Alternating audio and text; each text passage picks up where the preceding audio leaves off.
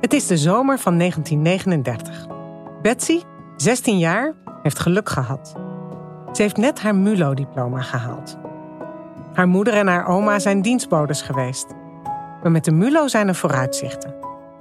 In meisjesromans heeft ze vrolijke verhalen gelezen over het kantoor.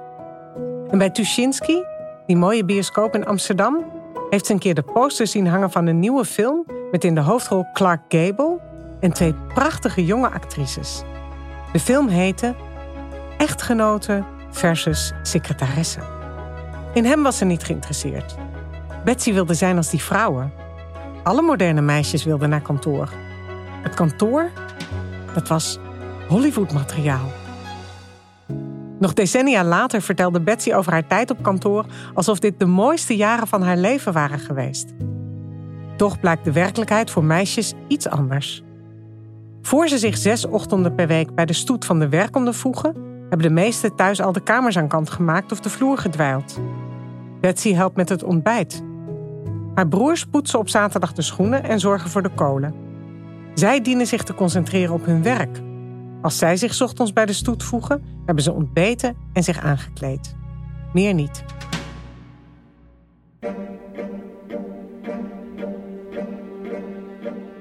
In geen enkele eeuw veranderde het leven van vrouwen zo sterk als in de afgelopen 100 jaar. Met invloed op iedereen. Hoe verliep de strijd om behandeld te worden als gewoon mens? En hoe beïnvloedt dit de maatschappelijke positie van vrouwen nu, in onze tijd? Dat onderzoeken we in de Eeuw van de Vrouw. En dus die van ons allemaal. Ik ben Susanna Jansen, schrijfster en geboren in 1964. Toen ik vijf was, vond de allereerste staking plaats voor gelijk loon. De meisjes van een sigarenfabriek in Nieuwe Pekela weigerden nog te werken omdat de mannen loonsverhoging hadden gekregen en zij niet. En ik ben Rachel van der Pol, journalist, geboren in 1983. En toen ik zeven was, kwam de overheid voor het eerst met een stimuleringsmaatregel voor kinderopvang onder bewind van minister Hedy Dancona. En dat sluit mooi aan bij waar we het vandaag over gaan hebben: de positie van vrouwen op de arbeidsmarkt. Waarom spelen vrouwen op de arbeidsmarkt in Nederland nog steeds een kleinere rol dan mannen? Rachel, misschien moet jij beginnen met wat je me gisteren vertelde, want dat vond ik echt heel schokkend. Het broodjeverhaal. Ja. Ja. Uh, nou ja, ja, ik noem dat dus het broodjeverhaal. Dat gaat als volgt. Ik werkte bij een bedrijf als freelancer en ik kreeg meer verantwoordelijkheden daar. Het was eigenlijk echt een andere functie. Dus ik dacht, nou, dat is wel een moment om even bij de directeur aan te kloppen voor een gesprek voor een hoger tarief. Mm Dus dat deed ik. We gingen het gesprek aan. Ik zei: Mijn verantwoordelijkheden nu dit. Ik zou graag over mijn tarief willen praten. En toen keek hij mij aan en het was echt zo'n soort minachtend lachje dat ik over me heen kreeg. En toen zei hij: Ja, wat wil je dan? Een gratis extra lunch of zo? Hè? Ja, nou ja, dus nou ja, dat was dus ook mijn reactie. Want dat is gewoon het laatste waar je op bent voorbereid. En het is al spannend om over geld te beginnen. Als je zo wordt weggezet. Dus ik stond gewoon echt met mijn mond vol tanden. En ik heb eigenlijk pas sinds het maken van deze podcast door. Want eerst dacht ik van, oh, dit is gewoon een grappige anekdote die ik soms vertel. Een beetje grappig en pijnlijk eigenlijk ook wel. En nu heb ik steeds meer door, oh, wacht, nee. Dit is een onderdeel, of gewoon iets wat heel veel gebeurt. En het is onderdeel van een ja, systeem van vooroordelen en ongelijkheid. En dat het dus een geschiedenis heeft. Ja, absoluut. Want vrouwen zijn stelselmatig van de arbeidsmarkt geweerd. En als ze er wel waren, dan uh, werden ze totaal anders behandeld dan mannen. Ja, nee, wat ik bijvoorbeeld me ook herinner. Jij, jij begint deze podcast met een fragment van je moeder Betsy weer. En zij vertelt dat ze met zoveel plezier naar dat kantoor gaat. Weet je wel, mhm. dat is echt iets magisch. Maar op een gegeven moment gaat ze trouwen. En dan wordt ze ontslagen. Want zo ging dat zo. Dat vond ik zo'n eye-opener. Ja, jij schreef ook: Het is geen dilemma, het is een gegeven. Betsy houdt van haar werk, Betsy houdt van Chris. Ze kan niet allebei hebben. Eerlijk vindt Betsy het niet, dat verplichte ontslag. Maar zelfs al had haar werkgever haar willen houden, zij zou het Chris nooit aandoen alsof hij niet mans genoeg is om voor zijn eigen vrouw te zorgen. Dat vond ik zo pijnlijk. Ja, ja, dat was het ook. Dat heeft ze zelf ook altijd zo gezien. Dat ze verplicht ontslagen werd omdat ze trouwde. Dat gebeurde met vrouwen in die tijd. Dat, dat heeft ze altijd pijnlijk gevonden. En dit was in 1948. En het werd ook echt zo gezien dat het een mans eer was om financieel voor zijn vrouw en zijn gezin te zorgen. En eigenlijk had mijn moeder mazzel, want zij hoefde niet te werken, zo heette dat. Want haar eigen moeder die moest kantoren poetsen, naast de zorg voor haar man en zeven kinderen. Maar nu in die, nou, met een iets meer stijgende welvaart, bestond het ideale gezin eruit dat um, een man zorgde voor de kost, maar dat de vrouw vrij was om zich uitsluitend te bekommeren om huis en haard. Dat was, dat was een luxe. En eigenlijk zie je in die tijd dat de gegoede klasse, uh, dat daar de vrouwen streden om te mogen werken.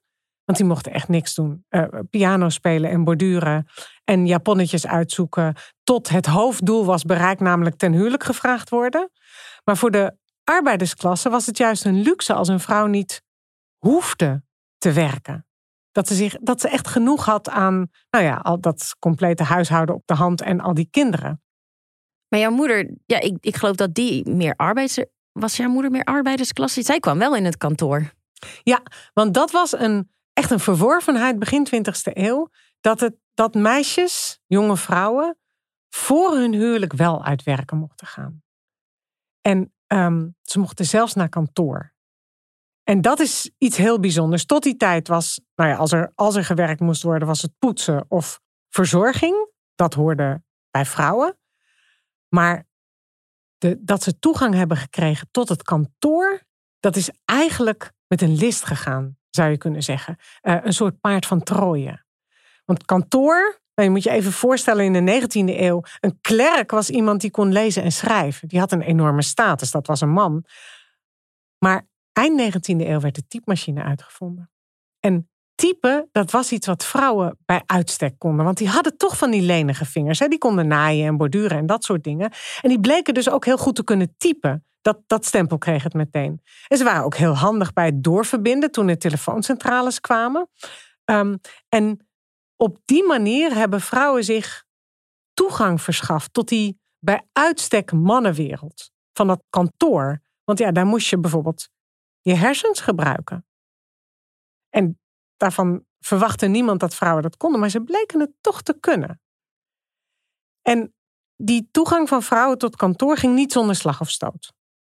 Um, ze waren zeker niet meteen welkom. Uh, even om, om een beeld te schetsen, begin 20e eeuw uh, werkten er 9000 kantoorjuffrouwen. Dat is niet zoveel, toch? Het was één op de elf. Um, maar in die tijd hebben vakbonden al een aantal jaar gepleit voor een vrouwenverbod op de kantoorwerkvloer. Want dit was al te veel. Het tastte de, de eer aan van het beroep, de status.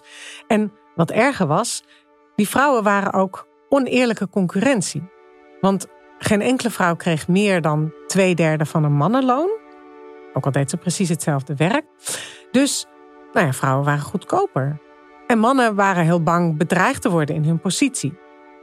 En er waren ook nog morele bezwaren, die werden geopperd. Uh, nou ja, een vrouw die hersenarbeid ging verrichten. Dus waar ze niet voor bestemd was, waar ze niet voor gemaakt was. Zo werd dat echt gezien. Dat, dat, was, ja, dat kon schade aanrichten. Haar cyclus zou in de war raken. En daarmee zou haar vermogen zich voort te planten, waar ze voor bestond, aangetast worden. Dus dat soort argumenten werden gebruikt Terwijl heel veel vrouwen die op kantoor werkten, dat werk gewoon nodig hadden. Die hadden gewoon, moesten gewoon geld verdienen. waren blij dat ze geen poetswerk hoefden te doen. Maar even, dus het type, dat werd beredeneerd. Dat als je een type was en doorverbinden, dan kon dat um, invloed hebben op jouw vermogen om je voor te kunnen planten. Zeker. Ja. Ik denk niet dat dat wetenschappelijk onderzocht is, of wel? Ik denk dat ook niet. Nee. Uh, maar het was wel een, een mening die door meerdere mensen uh, werd verspreid. Dat past ook in het beeld. Hè? Een vrouw was er om kinderen te krijgen. Ja. En het was ook heel handig dat ze ondertussen ook kon poetsen en wassen en al die andere dingen doen. Maar dat hoorde daar zo'n beetje bij. Dat was het clichébeeld van vrouwen. En zodra een vrouw daarvan afweek, bijvoorbeeld door naar kantoor te gaan, dan werden er meteen argumenten verzonnen waarom dat niet kon. Dat, dat paste gewoon bijna niet in een, in een wereldbeeld. Maar toch groeide het aantal vrouwen op kantoor. Uh, op een gegeven moment. In Omdat ze zo goedkoop waren. Ja, en, en ze konden ook best wat, bleek. En dat was ook, wat, was ook handig, dat ze voor minder geld toch echt wel iets presteerden. Dus op een gegeven moment, in de jaren twintig, was het één op de vier personeelsleden die, uh, die vrouw was op kantoor. Maar wat je, wat je ziet in die hele geschiedenis, is dat vrouwen, ook al waren ze heel handig, in tijden van werkloosheid telkens weer van de arbeidsmarkt werden weggeduwd. Keer op keer. Een voorbeeld um, uh, ja, na de Eerste Wereldoorlog. Die hebben wij in Nederland natuurlijk niet gehad. We waren neutraal, maar de economie lag wel op zijn gat in heel Europa. Toen besloot bijvoorbeeld de NS, staatsbedrijf, om geen vrouwen meer aan te nemen. Behalve voor werk dat een vrouwenhand behoefte. Nou, dat was in elk geval poetsen. En of type daarbij hoorde. Ja. Dat, denk, dat denk ik ook, maar dat weet ik niet zeker. En het eerste vrouwenquotum in Nederland, dat stamt uit 1921. En dat werd geïntroduceerd bij de PTT, een staatsbedrijf. Maar dat ging om een maximum aantal vrouwen. Eén ah. op de vijf personeelsleden mocht maar vrouw zijn. En alle leidinggevende posities moesten beschikbaar blijven voor mannen. Ik dacht heel even bij vrouwenquotum en ik ging heel even op weer van, oh, oh, oh, Nee, nee zakte ik weer in. Dramatisch, hè? Ja. ja. En, en in die tijd was er een, een grote enquête geweest onder bedrijfsleiders over vrouwen op kantoor. En de, de negativiteit daaruit vond ik echt schokkend. Um, en met name dat ze werd verweten dat ze hun werk niet serieus zouden nemen. Want als ze eenmaal ingewerkt raakten, ja, dan gingen ze trouwen. Alsof ze er zelf voor kozen om dan ontslagen te worden. Dat was absoluut echt niet het geval. De meeste vrouwen waren daar diep verontwaardigd over. En ik ben een verhaal tegengekomen over een vrouw die getrouwd wel bleef werken, omdat haar man ziek was, dus ze moest wel. En als die naar de werk ging, deed ze de trouwring af. Dat mochten mensen niet weten en ze loog erover. Ze deed net alsof ze nog bij haar ouders woonde. Ja, zo dus, diep zit die Morris dan dus. Dat was een van die negatieve oordelen over vrouwen. En dat leidde dus keer op keer uh, tot massa-ontslagen van vrouwen als ze even niet nodig waren. En dat gebeurde opnieuw in de, in de jaren dertig, in de crisisjaren. En toen deed de overheid er ook heel hard aan mee. Um, er, eh, het ministerie van Sociale Zaken verbood het om rijksambtenaressen die trouwden nog te werken. Dus, dus dat werd echt in de wet vastgelegd. Eh, de Rijksoverheid wilde geen gehuwde vrouwen meer aannemen. En gehuwde vrouwen die er al werkten, werden zo snel mogelijk vervangen door een man. En daarna kwam dat ministerie van Sociale Zaken dus nog een paar keer met wetsvoorstellen om gehuwde vrouwen het werken in alle sectoren moeilijk te maken of zelfs te verbieden. Ja, ik ben met, met het risico dat ik een beetje op zo'n vastlopende grammofoonplaat lijk. Maar ik denk alleen maar waarom? Wat dreef deze wetmakers? Nou, kijk, het was crisis. En men vond, ja, ook wel maatschappij breed, dat gezinshoofden voorrang hadden op werk. Ja, die moesten hun hele gezin onderhouden. En dat werd natuurlijk ook ingegeven door partijen die sowieso al vonden dat vrouwen niets te zoeken hadden op de arbeidsmarkt. En het werd beschouwd als een vorm van werkloosheidsbestrijding. Huh? Want de vrouwen die werkloos waren, die werden niet geregistreerd. Die telden niet mee in de werkloosheidscijfers. Oh, jemig. Wat een hopeloos verhaal dit. Maar ja, het is natuurlijk, je kijkt natuurlijk met een hele andere bril. Dus dat is misschien helemaal niet eerlijk. Maar kan je me vertellen wanneer het beter werd? Alsjeblieft. nou, daar moeten we het eh, volgens mij de hele podcast verder over hebben. Um, maar er is wel één ding wat ik nog wil noemen. Of dat dan beter is of niet, dat moet jij dan straks maar even beoordelen. Maar in 1951 kwam er een internationaal verdrag dat ondertekend werd door meerdere Europese landen. Dat in elk geval opriep tot het streven naar gelijk loon bij gelijk werk. Dus niet dat vrouwen meer werk kregen, maar dat ze in elk geval gelijk betaald werden. Maar in 1955 besloot de Nederlandse regering, op dat moment 100% man, om dit verdrag niet te ondertekenen. Want? Nou, de redenen waren bijvoorbeeld dat, dat er geen goed meetinstrument bestond om vast te stellen wanneer vrouwen hun werk even goed deden als mannen, wanneer dat evenveel waard was. Het uitgangspunt was dat mannen beter waren. En gelijk loon zou de economie ontwrichten. En er was nog een argument. Het was ook heel slecht voor de vrouwen zelf. Want als ze meer kosten, als ze net zoveel kosten als een man, waarom zou een werkgever ze dan nog aannemen? Nou, ik heb wel het idee dat ik deze smoesjes vaker heb gehoord. Want ik geloof dat bij het afschaffen van de slavernij werd ook vaak het argument genoemd. Ja, maar als we deze mensen moeten gaan betalen, dan stort de economie in. Ja, was ook voor hunzelf slecht, toch? Was ook voor, ja, ja, ja, want zij wisten ook niet. Dan moesten ze op eigen benen staan. Hoe moesten ze dat dan? Hoe moesten ze voor zichzelf beslissen? Schandalig, hè? Dat internationale verdrag over gelijk loon is in Nederland pas in 1971 geratificeerd. Dus 20 jaar nadat dat verdrag er lag. En dat heeft Nederland alleen maar geratificeerd omdat het door de Europese samenwerking gedwongen was. Dat is toch wel heel nuttig, die EU. Ik denk op het gebied van vrouwenrechten dat het hartstikke nuttig is. Heel nuttig, ja. ja. ja. En uh, pas in 1975 werd er in Nederland bij wet vastgelegd dat mannen en vrouwen gelijk loon bij gelijk werk moesten krijgen. Behalve voor ambtenaren. Die moesten nog vijf jaar wachten tot 1980.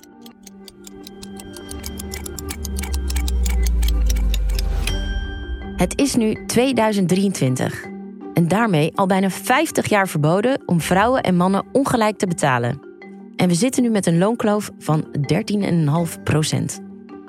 Ja, dat is een onderwerp waarvoor we Sophie van Gool moeten spreken. Zij is econome en columniste voor het Financieel Dagblad. En ze heeft bedrijven en individuele werknemers geadviseerd. En ze heeft een belangrijk boek geschreven met de titel Waarom vrouwen minder verdienen en wat we eraan kunnen doen. Sophie is trouwens geboren in 1991. 1991. Op dat moment speelt de campagne Een slimme meid is op haar toekomst voorbereid. Want de overheid begint in die periode serieus in te zetten op economische zelfstandigheid van vrouwen. Hartstikke fijn dat je er bent, Sophie. Ja, ja dankjewel. Fijn dat je er bent. Hey, welk voorbeeld heb jij eigenlijk bij je eigen ouders gezien? Qua positie van vrouwen op de arbeidsmarkt? Hmm. Um, ja, best een standaard voorbeeld, denk ik, in die tijd. Mijn vader werkte fulltime, mijn moeder parttime. Um, ja, mijn moeder bracht ons altijd naar school, haalde ons op. Uh, ja, dus niet super gelijk. Het traditionele. Traditionele, ja, redelijk. Zeg maar het kostwinnersmodel. Precies. En, en, deed je vader iets in het huishouden? Uh, ja, volgens mij wel. Het is niet heel opvallend. Dus. nee, maar mijn vader was wel, of is nog steeds wel heel uh, betrokken. Dus die was wel altijd op tijd thuis. En in het weekend was hij altijd heel veel met ons. En het was wel in die zin een ja, hele betrokken vader. Ja. De loonkloof. Ja. 13,5 procent. Mm ja, jij bent de expert op dit gebied. Maar toch kan je even ons de basics uitleggen. Ja. Uh, de basics. Nou, de loonkloof gaat over dat vrouwen minder geld verdienen dan mannen. Een heleboel. Minder geld. Per jaar is het 36 procent wat vrouwen minder krijgen. Dus dat is echt een gigantisch groot verschil. Wow. Ja. Ja. ja, daar sta je weer even stil van. Um, en dat zorgt er ook voor dat bijna de helft van de vrouwen in Nederland niet financieel onafhankelijk is. Dus ja, meestal afhankelijk van hun partner, soms van de overheid. En dat betekent ook dat ze na een scheiding of na overlijden ja, best wel grote kans hebben om in armoede te belanden. Um, en dan zeggen mensen vaak van ja, maar dat is toch geen eerlijke vergelijking, die 36 procent. Want vrouwen werken ook heel vaak in deeltijd.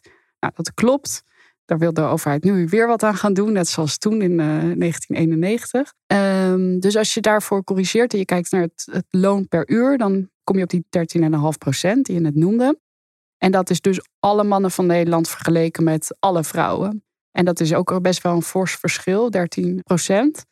En dat komt onder meer doordat vrouwen veel minder vaak in topfuncties zitten. Dus er zijn in Nederland meer CEO's, meer directeuren met de naam Peter dan CEO's die vrouw zijn, bijvoorbeeld. Nou.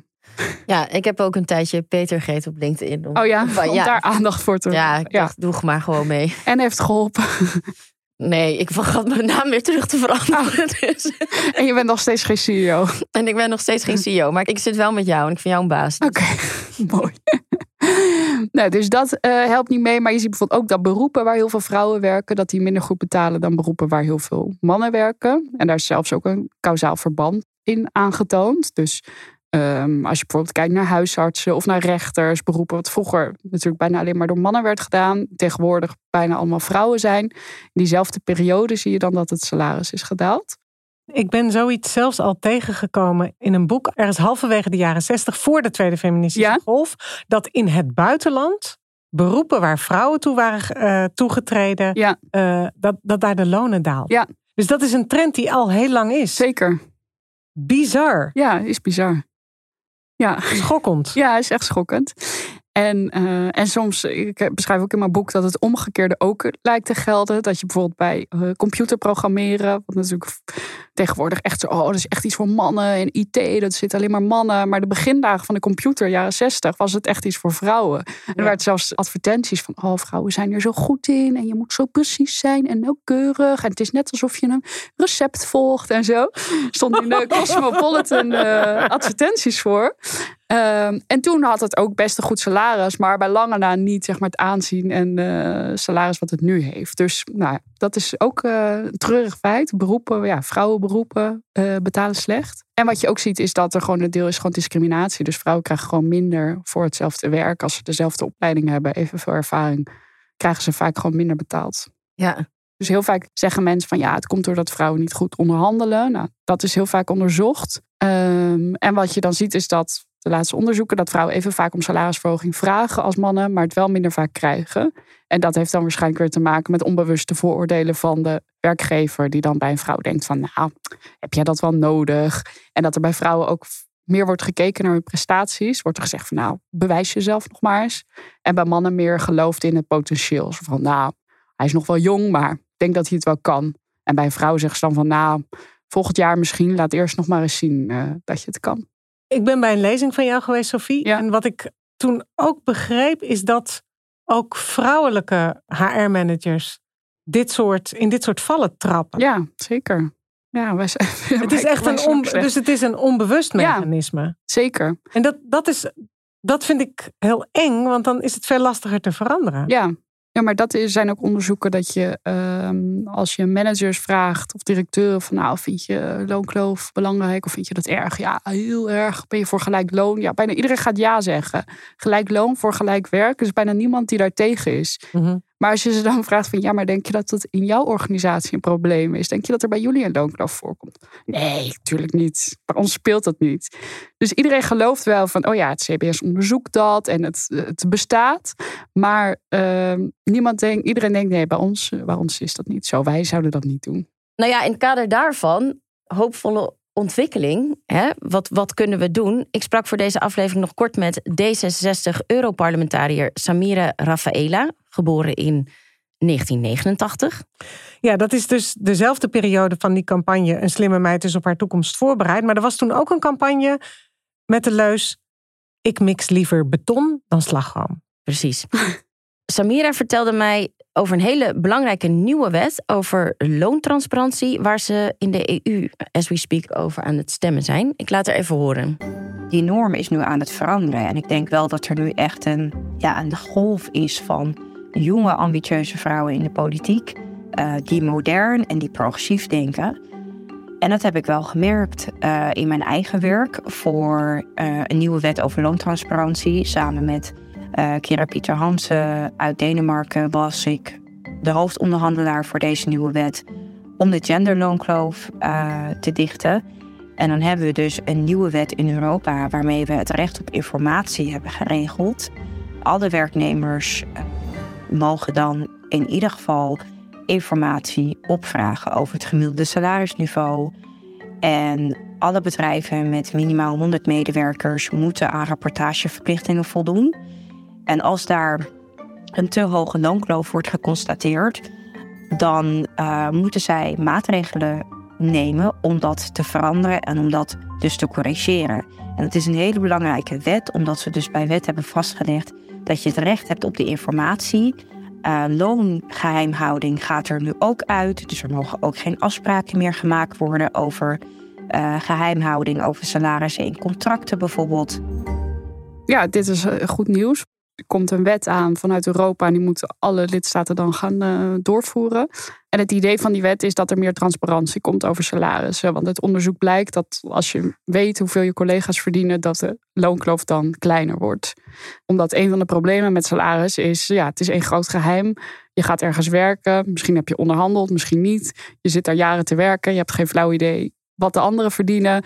En na tien jaar kom je er misschien opeens achter. Hé, hey, uh, Henk van de vierde verdieping doet hetzelfde als ik. En hij krijgt 500 euro per maand meer. Nou ja, en dan moet je mhm. maar toevallig achterkomen. Mm Dus het idee van deze wet. Um, en als je daar dan toevallig achter komt, dan is het ook nog eens aan jou, als, aan de werknemer, om daar iets aan te gaan doen.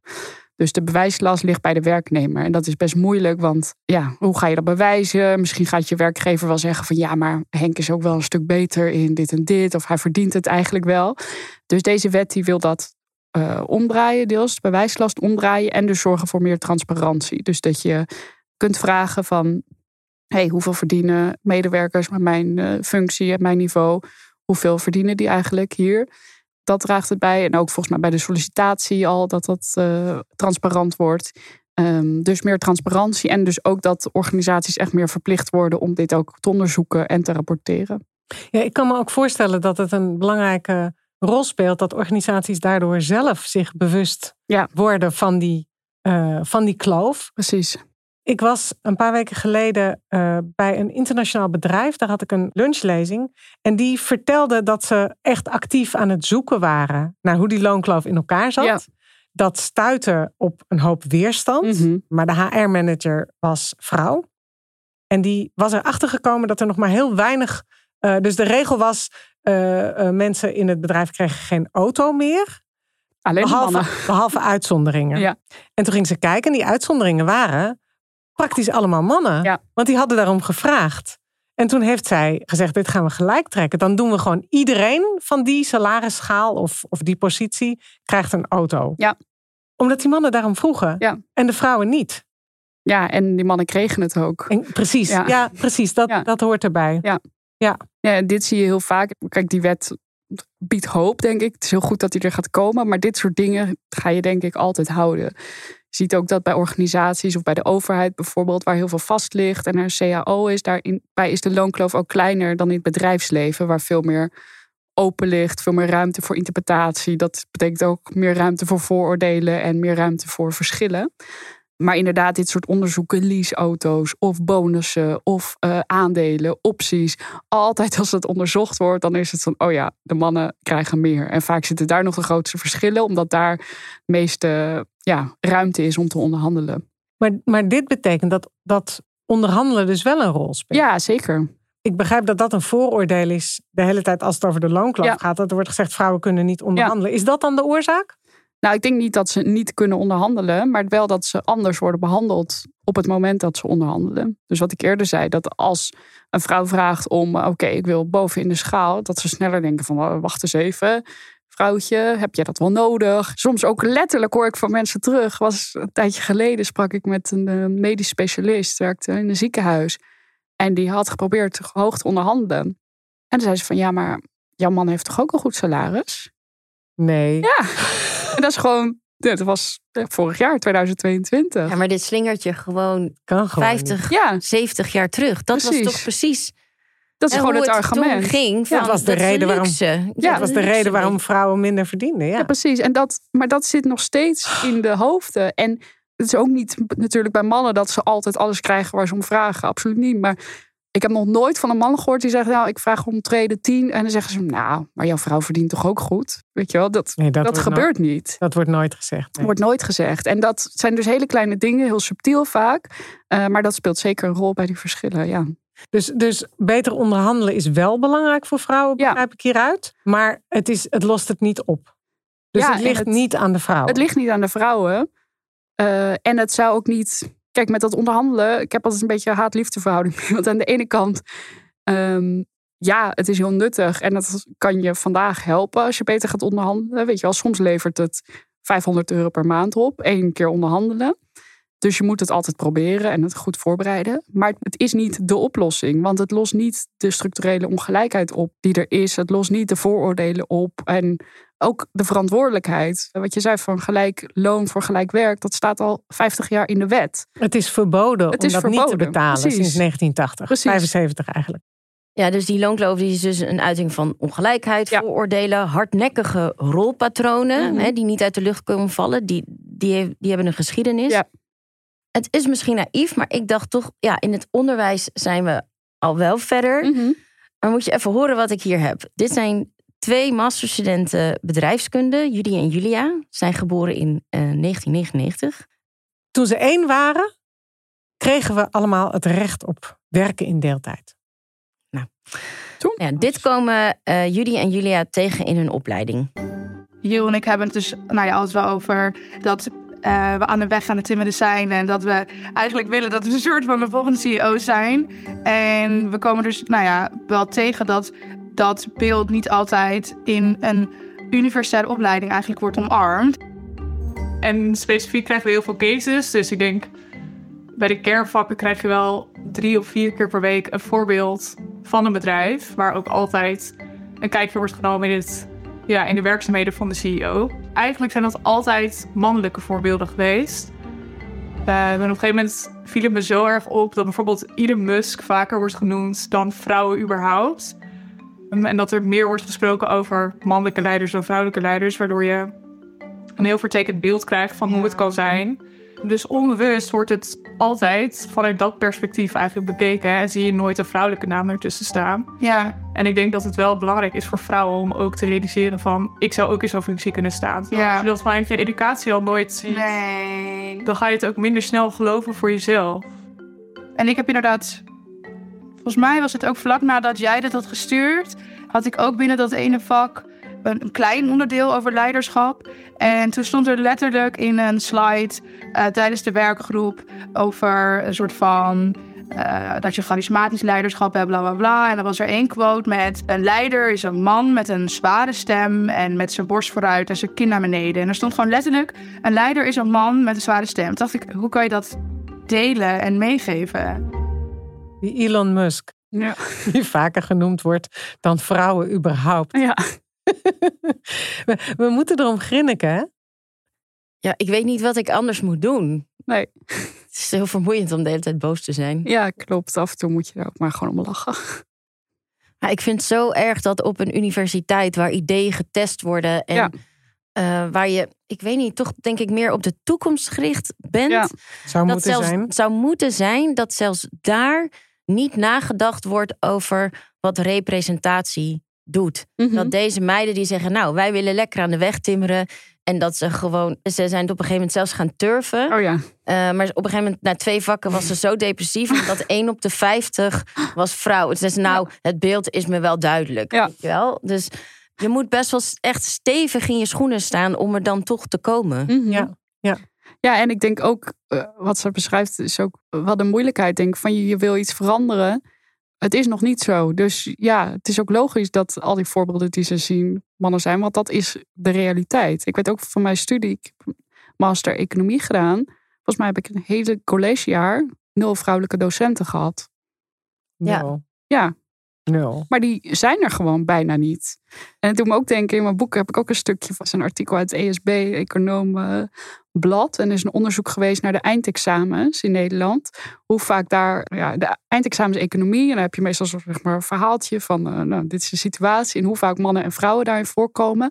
Maar ook van wat voor rol zij daarin spelen. En dan is dus bijna alle vrouwen die voorkomen in het eindexamen zijn um, bijstandsmoeder of uh, maatschappelijk werkster, misschien lerares. En alle mannen zijn bankdirecteur, hoogleraar, uh, econoom, dat soort dingen. Ja. Nee. Ja. We hebben net gehad over die een nieuwe wet, loontransparantie. Ja. is een belangrijke stap. Maar ja, we zijn er natuurlijk nog niet. Het is een grote puzzel. Ja, waar staan we nu eigenlijk wat betreft de positie van vrouwen op de arbeidsmarkt? Wat moet er nog gebeuren? Nou, een heleboel. ja, die positie is gewoon niet zo goed. Wat je zei van in het onderwijs, dat zie je als je het ook de afgelopen 50 jaar kijkt. Het onderwijs zijn vrouwen enorm succesvol geworden. Er zijn nu meer uh, meisjes dan jongens die afstuderen. Hogere cijfers, betere resultaten. Ehm, maar dat vertaalt zich niet door op de arbeidsmarkt. En al heel lang roepen mensen van nou wacht maar. En over tien jaar en over twintig jaar. Maar er verandert eigenlijk gewoon niets de afgelopen twintig jaar. Ja, dus wat er moet veranderen. Nou, ik denk dat er meer wetgeving moet komen. Meer moet worden gezorgd dat vrouwen doorstromen naar hoge functies. Loonkloof moet worden gedicht. Het onbetaalde werk, dus het werk in huis moet beter worden herverdeeld. Ik denk dat mannen meer verlof moeten krijgen als ze kinderen krijgen bijvoorbeeld. En ook echt moeten worden gedwongen bijna om dat op te nemen. Want dat blijft ook nog eens achter. Um, kinderopvang moet beter. Maar ik denk ook dat gewoon de manier, ik heb ook hierover geschreven laatst, de manier waarop we kijken naar betaald en onbetaald werk moet veranderen. Want dat zie je ook in de campagnes van de overheid. Er wordt gezegd, ja, een vrouw moet een paar uur meer gaan werken. Er is dus een nieuwe overheidscampagne. Wil je meer werken, laat het merken. Ja, en dan zie je ook weer van, ja, dat is eigenlijk dus, dat noemen ze ook zelf, het vervolg op uh, een slimme meid is op haar toekomst voorbereid. En dan denk ik, oh my god, weet je al 32 jaar later ben je nog steeds niet tot enig inzicht gekomen. Of dan zie je van wat de minister van Sociale Zaken, die gaat dan weer een of ander uh, subsidie uitschrijven voor, om een maatschappelijke dialoog te faciliteren en keukentafelgesprekken over de verdeling. En dan denk ik echt van, oh, alsof we nog niet begrijpen wat het probleem is, weet je wel. Het is al hartstikke duidelijk. Vrouwen verdienen minder, ze bouwen minder pensioen op, ze krijgen niet dezelfde kansen op de arbeidsmarkt. Mannen krijgen niet dezelfde kansen om te zorgen. Dus heel veel seksisme, zwangerschapsdiscriminatie, dat zijn de problemen. Ga er eens een keer wat aan doen in plaats van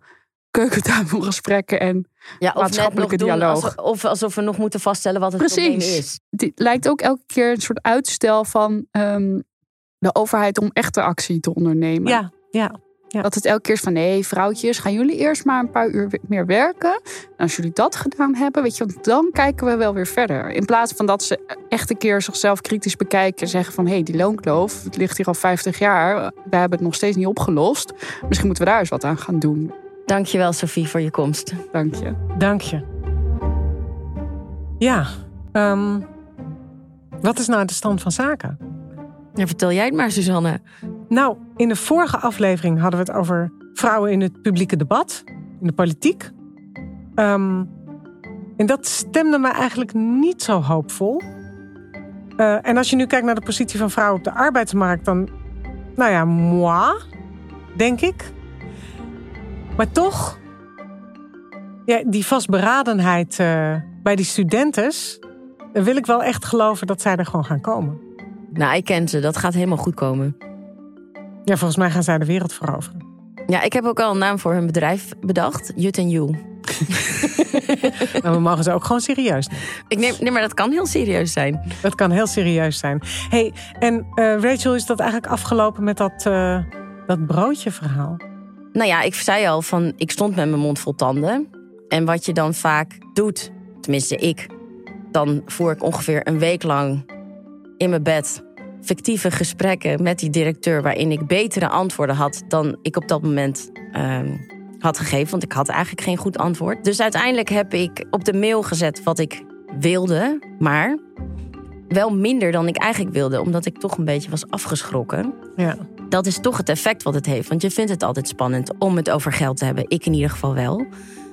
En later is er nog een keer een incident geweest. Uh, toen heb ik namelijk in dat bedrijf. Kreeg je het? Ik kreeg het. Ik kreeg het wel, ja.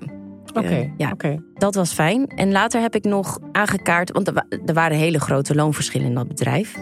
En dat wist ik. Dus ik kaartte dat aan. En hij was echt furieus. Furieus. Hoe durfde ik het hierover te hebben?